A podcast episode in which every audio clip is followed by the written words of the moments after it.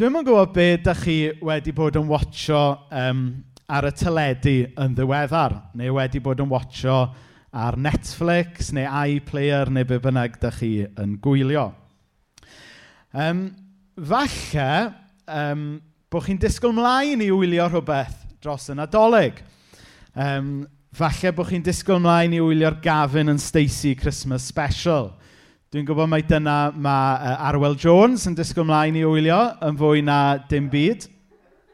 Um, neu falle bod chi hyd yn oed yn disgwyl mlaen i wylio Mrs Brown's Boys, dydd nadolig, er na fyddwch chi byth yn cyfadda hynny o flaen pobl capel. Wel, dros y misoedd diwetha, dwi, fel mae rhai ohonoch chi wedi gwybod, in fact, fel mae pawb sy'n adnabod fi wedi cael clywed, Dwi wedi bod yn gwylio The Crown ar Netflix.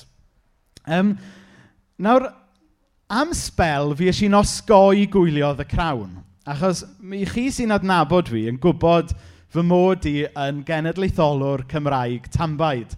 A sgennau ddim lot i ddeud am y teulu brenhinol. Felly am spel o'n, on i'n gwrthod gwylio. Ond wedyn, eisiau'n hollol hooked nath swy'n y teulu brenhinol fy nalu. Ac o'n i wrth fy modd, ac erbyn hyn dwi wedi gwylio pob cyfres. A, a beth bynnag ydy barn pobl ynglyn â'r teulu brenhinol, mae pawb yn gytun gan gynnwys Leanne Wood fod The Crown yn gyfres teledu arbennig o dda. Mae wedi cael ei sgwennu'n dda, mae wedi cael ei ffilmio'n dda, mae wedi cael ei gynhyrchu yn arbennig. Mae e wedi cael ei gynhyrchu mor dda nes nath gweinidog diwylliant San Steffan um, ofyn i Netflix roi disclaimer ar y dechrau yn dweud mai drama oedd e nid documentary. Achos oedd e'n poeni fysa gymaint o bobl yn gwylio fo, meddwl mai documentary yw e, a bysa fe'n creu rhyw o chwildro a bod pawb yn troi yn erbyn Prince Charles pan bydde fe'n dod yn frenin. Nawr, un beth sydd yn braf iawn ynglyn â fe yw bod e yn portreadu um, cryfder, um, cymeriadau, cryfder um, ac empathi ar y degau y frenhines. Mae e hefyd yn dangos cryfderau uh, gwahanol brif weinidogion fiodd a sydd wedi bod trwy holl gyfnod Elizabeth. Ond mae e hefyd yn portreadu mewn ffordd real iawn ffeileddau pobl, gan gynnwys um, gwendidau yr prif weinidogion a hyd yn oed rhai gwendidau yn y frenhines i hun. A rhan o'r narratif yn y crawn yw fod y teulu brenhinol yn trio dangos bod nhw actually just fel ni. Nawr, ar lefel hollol ddynol, maen nhw fel ni. Maen nhw yn bobl maen nhw'n famau, maen nhw'n dadau, maen nhw'n feibion, maen nhw'n ferched, maen nhw'n wncl ac antis. Maen nhw'n llawenhau fel ni, maen nhw'n dathlu fel ni, maen nhw'n cwmpo mas fel ni, a maen nhw'n rhannu fel ni. Ond mewn gwirionedd, o ran cefndir a cyd-destun, dyn nhw actually dim byd fel ni. A dyma lle mae'n stori ni heddiw yn troi o'r teulu brenhinol sydd yn y crawn i un o linach brenhinol gwahanol. Yn Ezeia 9, nath Lowri ddarllen gynnau, ni'n clywed canis bachgen a aned i ni, mab a roed i ni, a bydd yr awdurdod ar ei ysgwydd. Nawr, proffedoliaeth sydd fan hyn gan Ezeia am y Meseia, sef Iesu Grist. A'r peth cyntaf sy'n taro ni yw y ffordd mae Dyw yn Iesu yn uniaethu go iawn efo ni. Mae e wedi dod ato ni fel un ohono ni. Dyna pan bod e'n dweud canes bachgen a aned i ni. Doedd dim rhaid i Iesu rhyw fficio na rhoi act ymlaen bod e yn un ohono ni fel mae'r Windsors falle wedi wneud yn y crawn. O dim rhaid i Iesu roi sioi mlaen i ddangos fod e yn un ohono ni. Mi oedd e yn un ohono ni. Oedd amgylchiadau i enni fe mewn stabl bler i fam sengl. A drwy hynna, i ni'n gallu gweld bod e'n debyg iawn i ni. A mae Dyw reit o'r dechrau'n dangos bod e'n uniaethu hun efo ni. Dyna yw ystyr Emmanuel, Dyw efo ni. Nawr er bod amgylchiadau geni Iesu yn gyffredin iawn, wrth i Ezeia ddweud mae mab a aned i ni, dyw e ddim yn gwneud rhyw, rhyw bwynt um, patriarchaidd o'r heidrwydd, ond drwy ddweud mae mab a aned i ni, be mae'n dweud yw, mae yna un fan hyn sydd yn deilwng o linach y brenin Dafydd. Felly, er bod e wedi cael ei eni mewn ffordd digon cyffredin, drwy ddweud bod e'n fab i linach brenhinol, mae gyda ni un sydd yn deilwng i fod yn arglwydd ac yn frenin go iawn i ni. Dyma oedd e neiniog Dyw. Dyma oedd y gwir frenin oedd wedi dod i achub i bobl. Nawr yn y darlleniad nath y lwri ddarllen i ni, mae Zeian yn rhoi pedwar teitl i Iesu. Ac yn sydyn iawn, da ni'n mynd i fynd trwy y pedwar yna. Y cyntaf yw fod e'n gynghorwr rhyfeddol. Nawr yn yr oes yma, rhyw charisma a chyfathrebu slic ar y gorau sy'n neud arweinydd ac ar y gweitha rhywun sy'n chwarae ar ofnau pobl. Ond mae'r Eseia'n dweithio ni fan hyn, mae arweinydd o fath gwahanol yw Iesu. Mae e'n gynghorwr rhyfeddol. A mae hwnna'n chwa o awyr iach yn amser Eseia, a mae e'n chwa awyr iach yn yn amser ni, i gael arweinydd doeth, i gael rhywun sy'n cynghori mewn ffordd rhyfeddol. Ac ystyr y gair rhyfeddol fan hyn yw rhywbeth tebyg i'r gair goruwch naturiol. Hynny yw bod gallu Iesu, bod o'i thineb Iesu fel brenin, tu hwnt i'r hyn sydd yn naturiol i unrhyw un arall. Mae ddoethineb e llawer uwch i'r hyn sy'n bosib i'r person cyffredin. Ac yn amser Ezeia, oedd y brenin Ahaz yn ffansio hi'n fel arweinydd mawr pwerus, ond actually oedd e jyst yn bach o bad news. Yn ein dydd ni, mae yna arlywyddion a prif weinidogion sy'n meddwl bod nhw'n gwybod yn well na neb arall ac yn meddwl bod nhw'n gallu chwythu gwynt a wneud i genhedloedd eraill blygu o'i cwmpas nhw a maen nhw'n cael eu dangos i fod chydig bach yn ffôl. Ond yn Iesu, mae gyda ni gynghorydd rhyfeddol. Mae gyda ni arweinydd, mae gyda ni frenin doeth tu hwnt i'r hyn mae'r byd yn yn gwybod amdano fe. Nawr, yr ail deitl yw mae e'n dweud fod Iesu yn ddiw cadarn. Nawr, mae hwn yn dweud rhywbeth am natur y brenin, sef i fod e yn ddiw.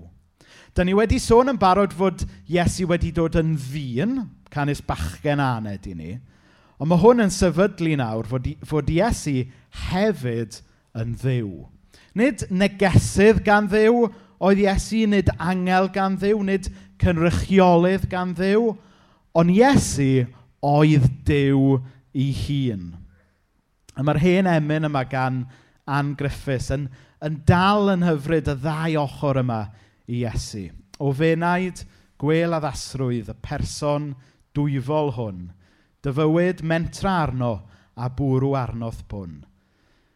A sylwch ar y llunellau yma, mae'n ddyn i gyd ymdeimlo ath thwch wendidau i gyd, ond mae'n ddew i gario'r orsedd ar ddiafol, cnawd a byd.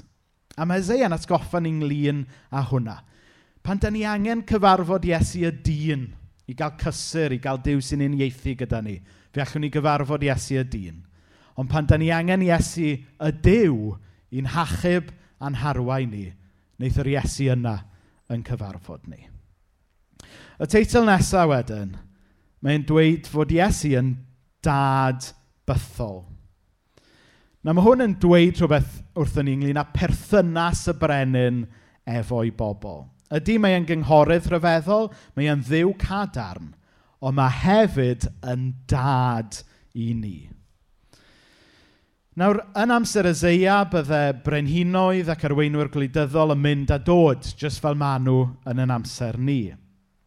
Ac felly mae sôn fan hyn bod, bod y Meseia mynd i fod yn dadbythol, yn oesol, yn un sydd ddim yn codi a diflannu fel pawb arall, yn un constant, yn un cyson, yn un, yn un caredig, yn un debenadwy.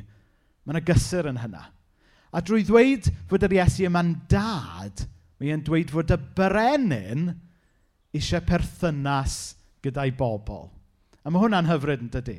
Hynny yw, Dyw yn brenin ni ddim yn frenin pell sy'n byw mewn palas sydd dim ond yn dod allan cwpl o weithiau'r flwyddyn i ryw seremonia pwysig. Ond mae e'n frenin allwn ni gael perthynas gyda fel tad.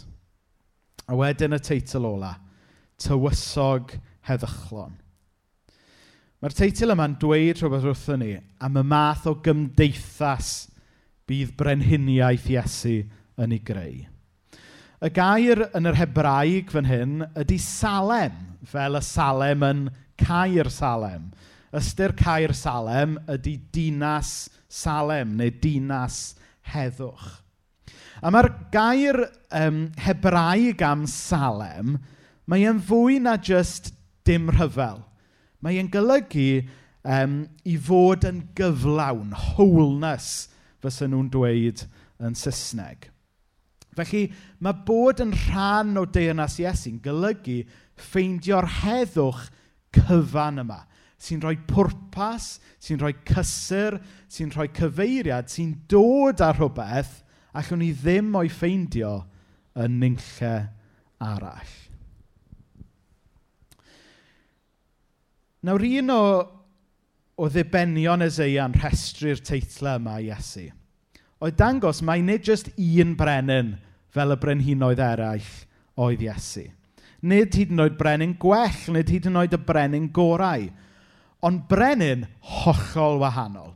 Brenin o natur wahanol. Brenin o rhwle gwahanol. Brenin sydd yn berffaith addas i ni sydd angen. Brenin cadarn, ond eto brenin sy'n agos ato ni fel tad. Brenin bythol a brenin sy'n cyflawni heddwch. Felly y neges syml i ni gyd, chi sydd yma a chi sydd adre, yw ody'r brenin yma yn frenin byddwch chi eisiau ymddiried ynddo fe. Ydy hwn yn fath o deyrnas byddwch chi'n dymuno i brofi? Ydych chi wedi blino gyda teyrnas y byd yma? a bod chi eisiau profi teirnas wahanol. Os odych chi, mae yna groeso nadolig yma i chi droi at y brenin na droi lan yn Bethlehem. Nawr nes i ddechrau neges uh, bore yma drwy sôn am The Crown. Ac mewn un penod, gaethon ni hanes gŵr yr enw Michael Fagan – sef dyn nath dorri mewn i Buckingham Palace yn 1982. Nawr, yn ôl y portreiad yn y crawn, oedd Michael Fagan ar ben i denyn. Oedd e wedi bod allan o waith yng nghyfnod Thatcher am amser hir. Oedd ei wraig yn drist iawn wedi adael e, ac oedd e wedi cochi cael gweld i blant achos bod ei fflat e mewn cyflwr mor wael. A ath e i weld i aelod syneddol lleol yn ôl y stori a gofyn am help a'r aelod syneddol yn dweud bod dim byd allai fe wneud. A wedyn Michael Fagan yn gofyn, well, to who can I go for help then? A wedyn yr aelod syneddol yn dweud yn ysgafn er mwyn trio cael gwared ohono fe. I don't know, maybe take it up with the Queen. A wedyn, y noson yna, dyma fe yn neidio dros ffens uh, Palace Buckingham. Mae hwn yn stori go iawn. Dwi e ddim jyst i cael ei wneud lan gan The Crown. Dyma e- fe'n neidio dros y ffens yn Palace Buckingham, dringo lan drainpipe, torri ffenest a wyndro rownd Palace Buckingham. Ac yn y diwedd, nath y ffeindio hun yn bedrwm yn stafell wely y frenhines. Ac yn, ac yn ôl The Crown, nath e gael rhyw chat hir gyda hi. Yn, be nath ddigwydd go iawn oedd nath yr frenhines jyst sgrachian yn rhedeg allan. Ond, ond basically, be oedd wedi digwydd yn hanes Michael Fagan oedd bod ei fywyd e um, yn hollol doredig am sawl rheswm. Ac oedd e wedi torri mewn i Palace Buckingham i siarad gyda'r frenhines, achos oedd e'n meddwl byddai'r e'r frenhines yn gallu helpu fe mas. Nawr mae newyddion yn adolyg yn well na hynny. Does dim rhaid i ni dorri mewn i Palas y Brenin, achos mae'r brenin wedi torri mewn i'n bywydau ac i'n byd ni. A dyna yw'r nadolig. Y diw mawr, pwerus, sy hefyd yn ddiw llawn cariad ac yn dad, yn dewis torri mewn i'n byd bregus ni, mewn i'n bywydau toredig ni. Dyna yw ystyr Emmanuel, diw gyda ni. Nadolig llawen i chi. So mae'r band mynd i ddod nôl fyny nawr i gannu um, un carol arall, a wedyn fydd, uh, fydd menna'n dod fyny i gau y sesiwn bore yma. Dwi wedi awgrymu y dylen ni newid geiriau y gan yma. Mae, ma, ma hon yn gan o, o dewch ffyddloniaid, da ni'n ni, ni canu, yn aml iawn i, i ddechrau oedfa, ond heddiw da ni'n ni cloi'r oedfa efo fo. Felly dwi wedi awgrymu lle ddylwn ni gannu ewch o ewch ac y ddolon. Dyna rhywbeth dwi eisiau gadael efo chi bore yma, bod uh, yr addoli yn parhau pan da ni'n gadael, a bod gennym ni gyfle i wahodd bobl eraill i fod yn rhan ohono fo.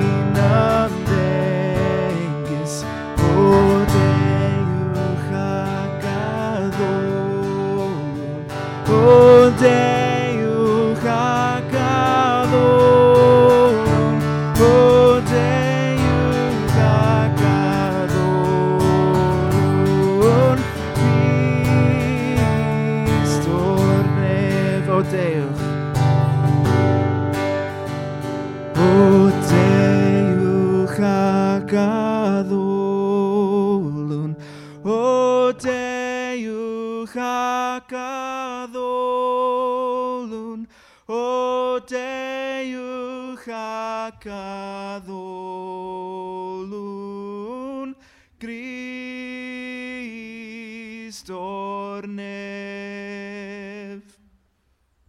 Amen.